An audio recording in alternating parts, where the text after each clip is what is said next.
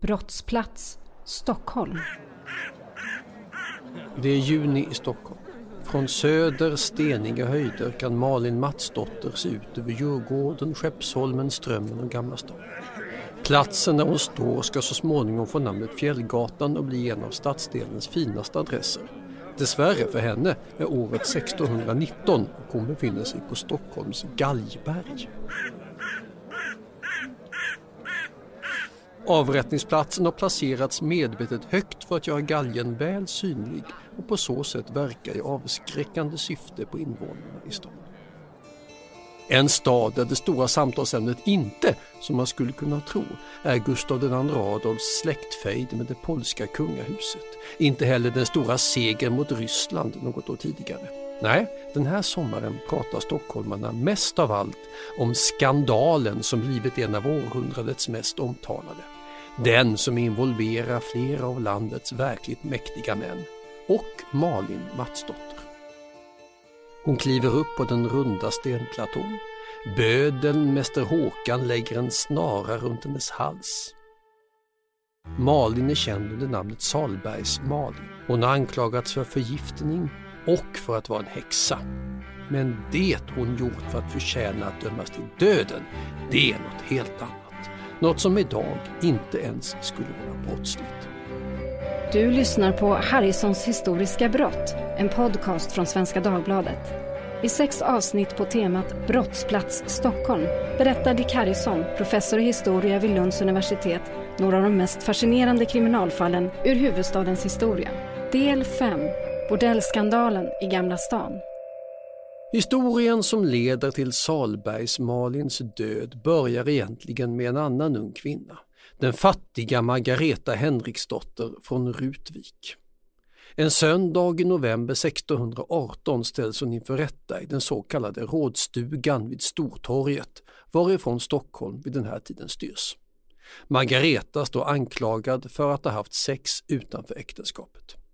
Under förhören framkommer att hon har prostituerat sig och haft samlag med sammanlagt 22 män. Margareta säger dessutom att hon inte har prostituerat sig på egen hand. Hon har varit anställd av Sara Simonsdotter, eller som hon kallas i Stockholms undre värld, Tjocka Sara. Tjocka Sara är en välkänd person i stan. En imposant kvinna som alla kan peka ut men långt ifrån alla vill kännas vid att de är närmare bekanta med. Hon är nämligen bordellmamma. Tjocka Saras bordell ligger på Kindstugatan som sträcker sig mellan Tyska kyrkan och det som idag kallas Brända tomten. På 1600-talet är gatan illa beryktad för sitt krogliv.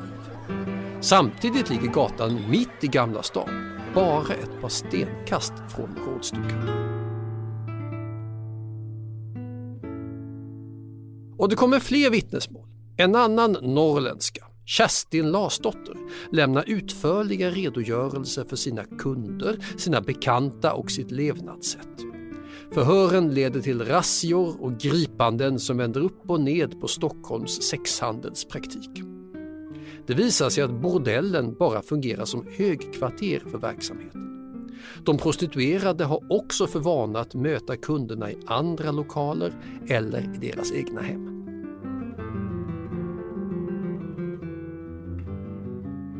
Det är i den här vevan som Salbergs-Malin dras in.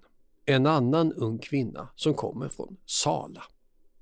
I förhören på rådstugan berättar hon att de flesta av Gamla stans horor, som hon säger, ära sin kos dragne. De har lämnat stan eftersom de förvarnats om razziorna. Däremot finns det gott om prostituerade ute på Malmarna om rättstjänarna nu skulle vara intresserade av att leta där. Det framkommer i förhören med en prostituerad från Norrmalm som har en hel del att säga om situationen söder om Gamla stan. Hon förklarar att om alla horor på Södermalm skulle komma hit skulle de inte få plats i Gamla rådstugan. Stockholm växte fram på Stadsholmen i det som idag är Gamla stan i mitten av 1200-talet. På 1500 och 1600-talen började den breda ut sig också på Malmarna och vid tiden för bordellhärvan fanns det knappt 10 000 stockholmare. Ungefär lika många som idag bor i Sölvesborg, Säffle eller Åmål. Detta gjorde visserligen Stockholm till Sveriges största stad, men den var inte landets huvudstad. Kungar, drottningar och prinsar hade flera olika slott och någon permanent riksdag och regering fanns inte. Det skulle dröja ytterligare några decennier till 1630-talet innan förvaltningsorgan och kollegier på allvar förvandlade Stockholm till Sveriges administrativa nav med en imponerande folkökning som följd. Vid tiden för rättsprocessen är tjocka Sara höggravid och föder barn i fängelset. Även två andra prostituerade i härvan nedkommer med barn medan de sitter inspärrade. Våra skriftliga källor säger ingenting om vad som händer med barnen. Det säger sig självt att de kvinnor som avslöjas som knutna till bordellverksamheten inte tillhör samhällets högre skikt. Här finns först och främst kvinnor som är socialt utslagna eftersom deras män har dött eller aldrig kommit hem från Sveriges många krig. Som polska Malin, vars make uppges vara befälhavare för soldater i Livland eller Ryssland. En del kvinnor har tvingats in i yrket för att de blivit invalidiserade och inte kan utföra andra arbeten. Andra har labilt psyke och är närmast att betrakta som sinnessjuka. Många har barn att försörja och många har rest till Stockholm i tron att det är rätt plats för en kvinna som vill hitta ett bra jobb. Det är det inte. Margareta Henriksdotter kom till huvudstaden från Norrbotten för att leta efter sin man som hade begett sig dit men nu inte gick att finna. Kerstin Larsdotter, hon är från Hudiksvall, tjocka Sara själv från Kimito i Finland. Faktum är, berättar Margareta, att Sara sätter i system att leta upp fattiga unga utsocknes kvinnor. Hon erbjuder dem ett hem och de betalar för vistelsen genom att ligga med de kunder Sara letar upp. Betalningen för de sexuella tjänsterna har varierat rejält, från reda pengar till naturaprodukter som ringar, handskar och andra sorters kläder. Kundkretsen är blandad. Där återfinns vanliga borgare men också högvälborna officerare. Margareta Henriksdotter berättar under förhören att hon har legat med soldater, köpsvänner, köksskrivare, spelmän och kaptener. Alla möjliga män och till råga på allt män som är kända vid namn. En av dem är självaste Adam Richard de la Chapelle, kapten för hovregementet. Ju mer förhörsledarna frågar ut de prostituerade, desto mer besvärande blir det. Kerstin Larsdotter har legat med officerarna Durasso, Sataguer och Lafort, utlänningar som tagit tjänst i Sverige. Bland polska Malins kunder märks dragonkapten Jakob Duvall, en hovfunktionär vid namn Fritz och skräddaren Baltzar Diné. Mäster Baltzar har varit anställd vid hovet sedan 1608 och arbetat som Gustav II Adolfs personliga skräddare i flera år. En annan av kvinnorna har till och med betjänat den nederländska ambassadören, en hovman och en kunglig kammarskrivare. I en klass för sig står tjocka Sara som enligt samstämmiga vittnesmål är upphov till allt det onda.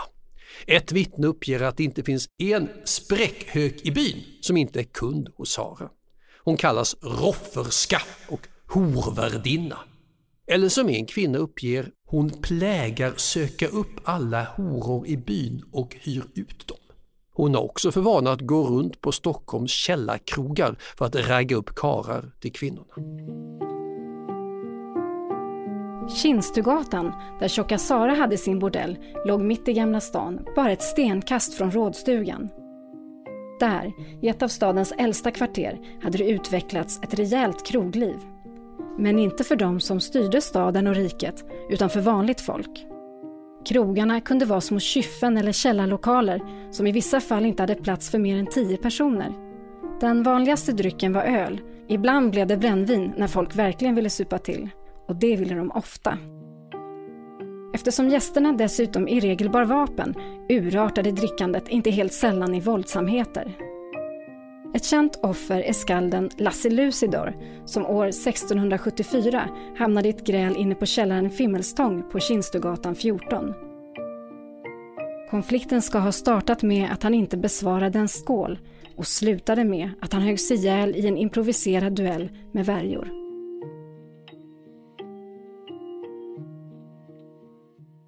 Men kvinnorna i härvan har inte bara ägnat sig åt sexhandel utan också åt stöld. När kunderna varit upptagna med sexakten eller blivit kraftigt berusade har de stulit deras kläder. Och om kunderna vill ta tillbaka dem, ja då har de fått betala en hel del. Och till sin hjälp i allt detta har kvinnorna haft ingen mindre än Mäster Håkan, Stockholms bödel. Det kan låta märkligt, men till saken hör att Mäster Håkan har en historia som grovt kriminell. Att han överhuvudtaget arbetar som bödel beror på att han fick välja mellan att ta det yrket, som är det mest föraktade i stan, och att bli avrättad. Han kan lika gärna berika sig på stöld och prostitution.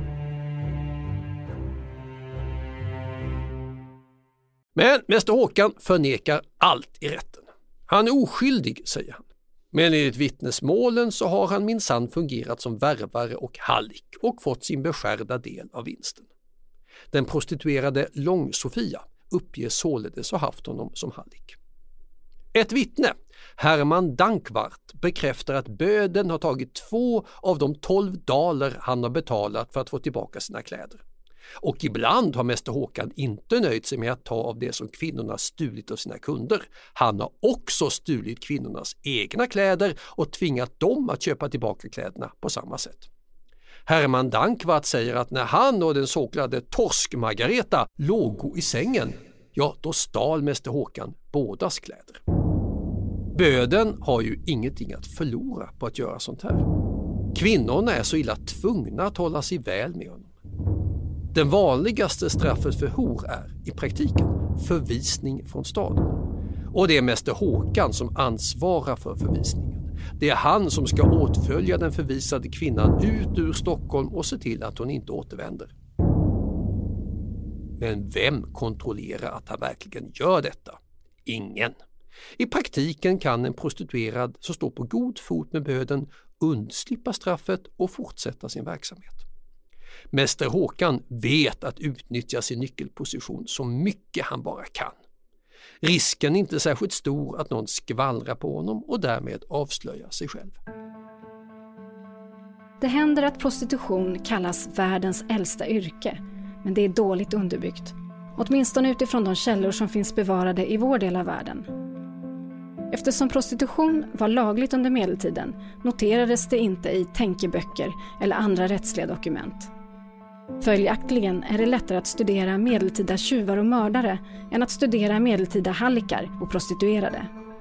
I de svenska lagarna från 1200-talet och 1300-talet förekommer inga notiser om byhoror eller stadsskökor. Vi har aningen mer information från våra grannländer. I norska medeltida skrifter återfinns varningar för prostituerade, så kallade portkonor, och bordeller, så kallade portkvennahus eller puttnahus. I Danmark omnämndes sexhandeln främst i samband med katastrofer, som när ett skepp med prostituerade på väg till Skånemarknaden på Falsterbonäset förliste år 1267. När prostitution nämns i äldre källor beror det annars oftast på att högborgerskapet velat markera social status. Det ansågs förringande att vistas i närheten av bordeller eller bo på en gata med prostituerade. Om det hände försökte rådmän, borgmästare och övriga förmögna borgare få bostäder någon annanstans, vilket ibland resulterade i skriftlig dokumentation.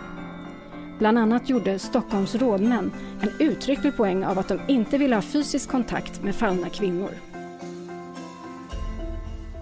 Det var på medeltiden. 1618 har det hänt saker. I slutet av 1500-talet och början av 1600-talet har Sverige infört drakoniska straff för brotten enkelt och dubbelt hor.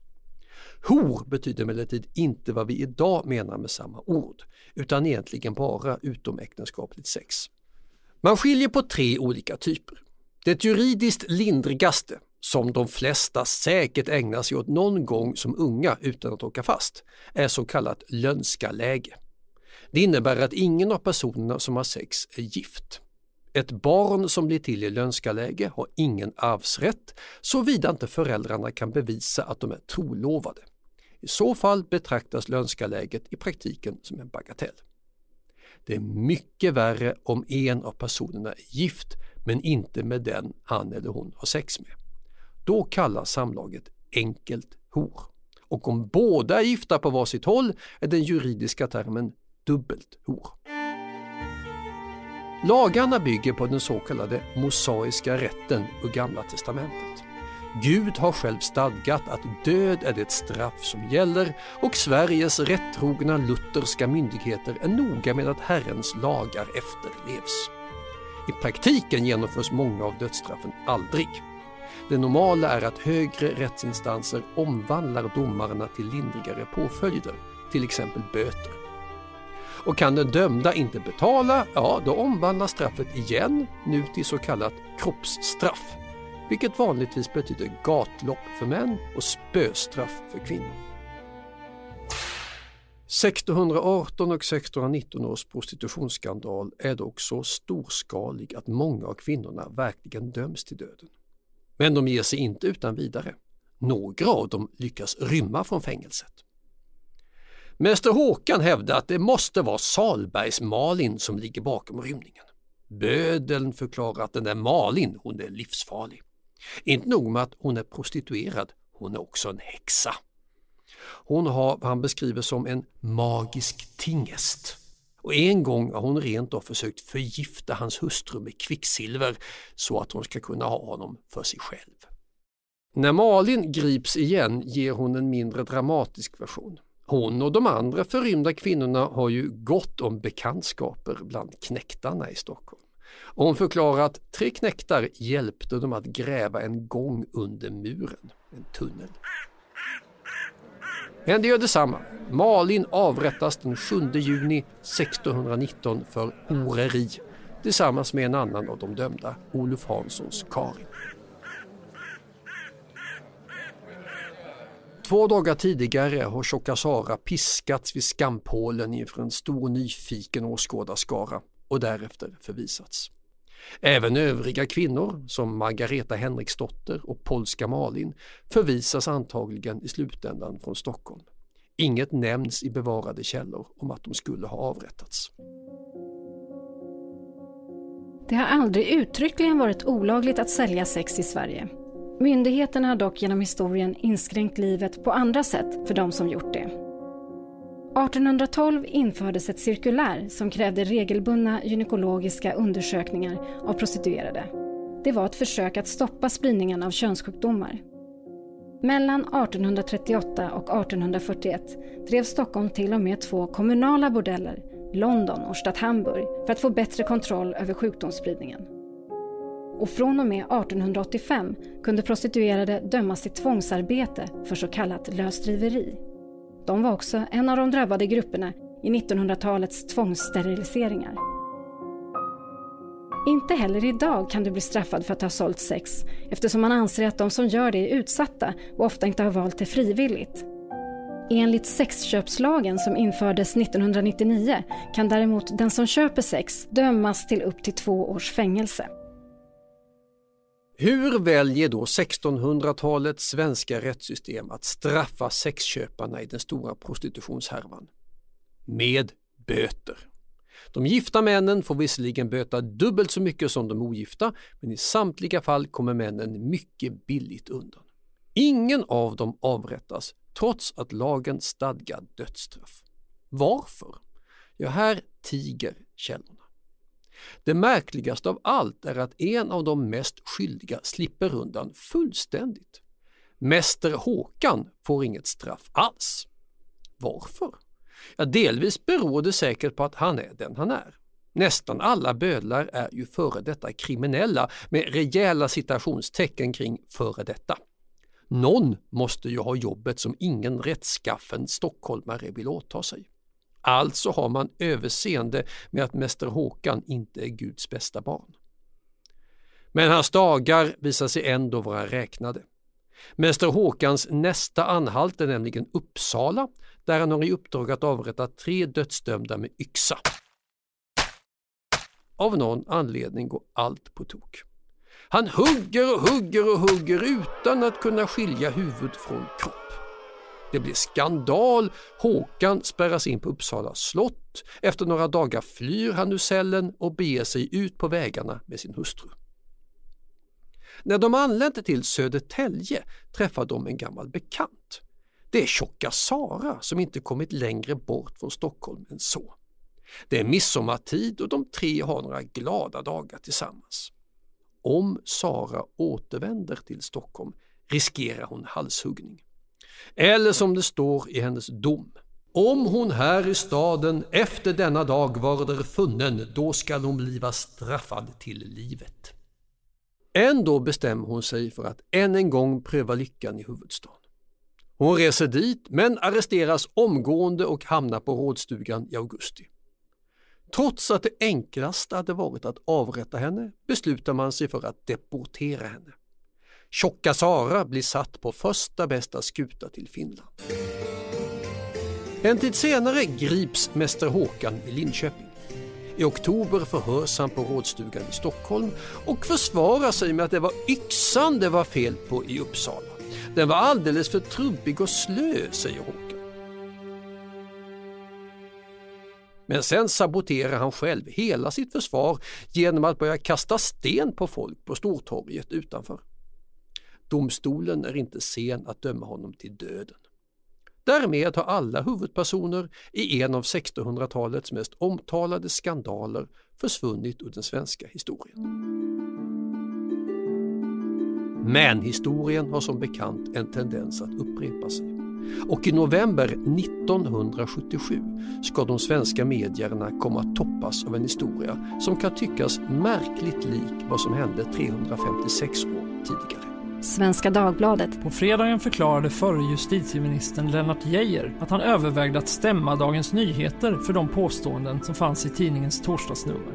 Bland annat påstods att Geijer anklagats av rikspolischefen Carl Persson för att vara en säkerhetsrisk därför att han skulle haft kontakt med prostituerad flicka. De rykten som ligger bakom Och vad är nu upphovet till all denna uppståndelse? Jo, en bordellmammas uppgifter under en polisutredning. Hon har påstått att ett antal högt uppsatta personer varit kunder i hennes bordellverksamhet. Dessa uppgifter tillkomna alltså inte som resultat av polisiär spaning. Säkert som amen i kyrkan har också denna bisarra härva kopplats ihop med spekulationen om statsministerns funderingar på att avgå. Något sakligt skäl för denna koppling finns självfallet inte. Nog för att det finns mycket som är underligt, men inte ens i Sverige kan en bordellmammas skrönor vara tillräckligt för att välta en statsminister ur sadeln. Tänk vilka dirty tricks man skulle kunna ställa till med. Eva Bengtsson var 13 år när hon sålde sin kropp på en eskortfirma i Stockholm. Efter 30 år trädde hon fram och pekade ut högt uppsatta politiker och kändisar som sexköpare. Doris Hopp, som i medierna kallades bordellmamman, greps 1976 av polisen.